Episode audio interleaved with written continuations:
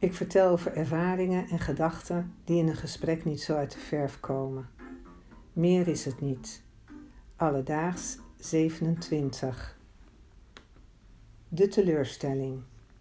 Soms sta ik vol frisse moed op om me aan het eind van de dag teleurgesteld te rusten te leggen. Een bezoek aan IKEA is zo'n risicofactor. Ik loop naar de klantenservice en wil een nummertje trekken om iets terug te brengen. Er staat een kleine man met een trui met blauw-gele verticale strepen aan voor het nummertjesapparaat. Vriendelijk vraag ik: Kunt u mij een nummertje geven? Nee, u moet wachten, alsjeblieft. Ik zie achter hem een grote ruimte met vijf wachtenden en vier mensen bij de balie. Aangezien iedereen na de coronacrisis zonder mondkapjes winkels spontaan mag betreden, lijkt het mij dat ik daar kan wachten. Ik wil langs hem lopen, maar de man gebaart dat ik er niet langs mag. Nee, niet wachten hier, maar daar, alsjeblieft. Hij wijst richting entree. Zijn cryptisch Nederlands wordt ruimschoots goed gemaakt door zijn gebaren. Hij loopt voor me uit. Welwillend volg ik hem en positioneer me in de hal op vijf meter afstand van het nummertjesapparaat.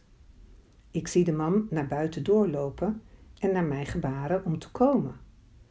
Niet begrijpend loop ik hem tegemoet, de miserige regen in, terwijl mijn frisse moed me in de schoenen zakt.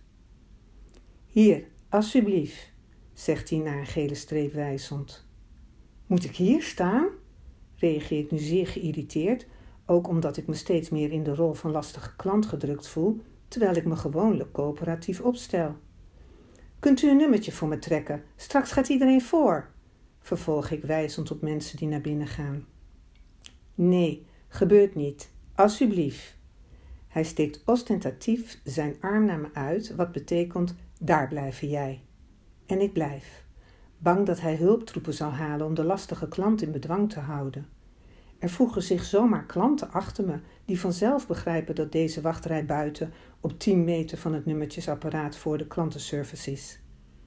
Na vijf minuten word ik duidelijk gewenkt door de man om te komen.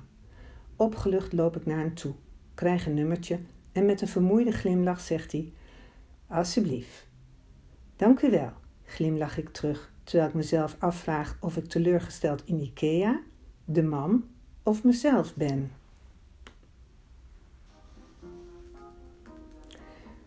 Tot de volgende. Alledaags.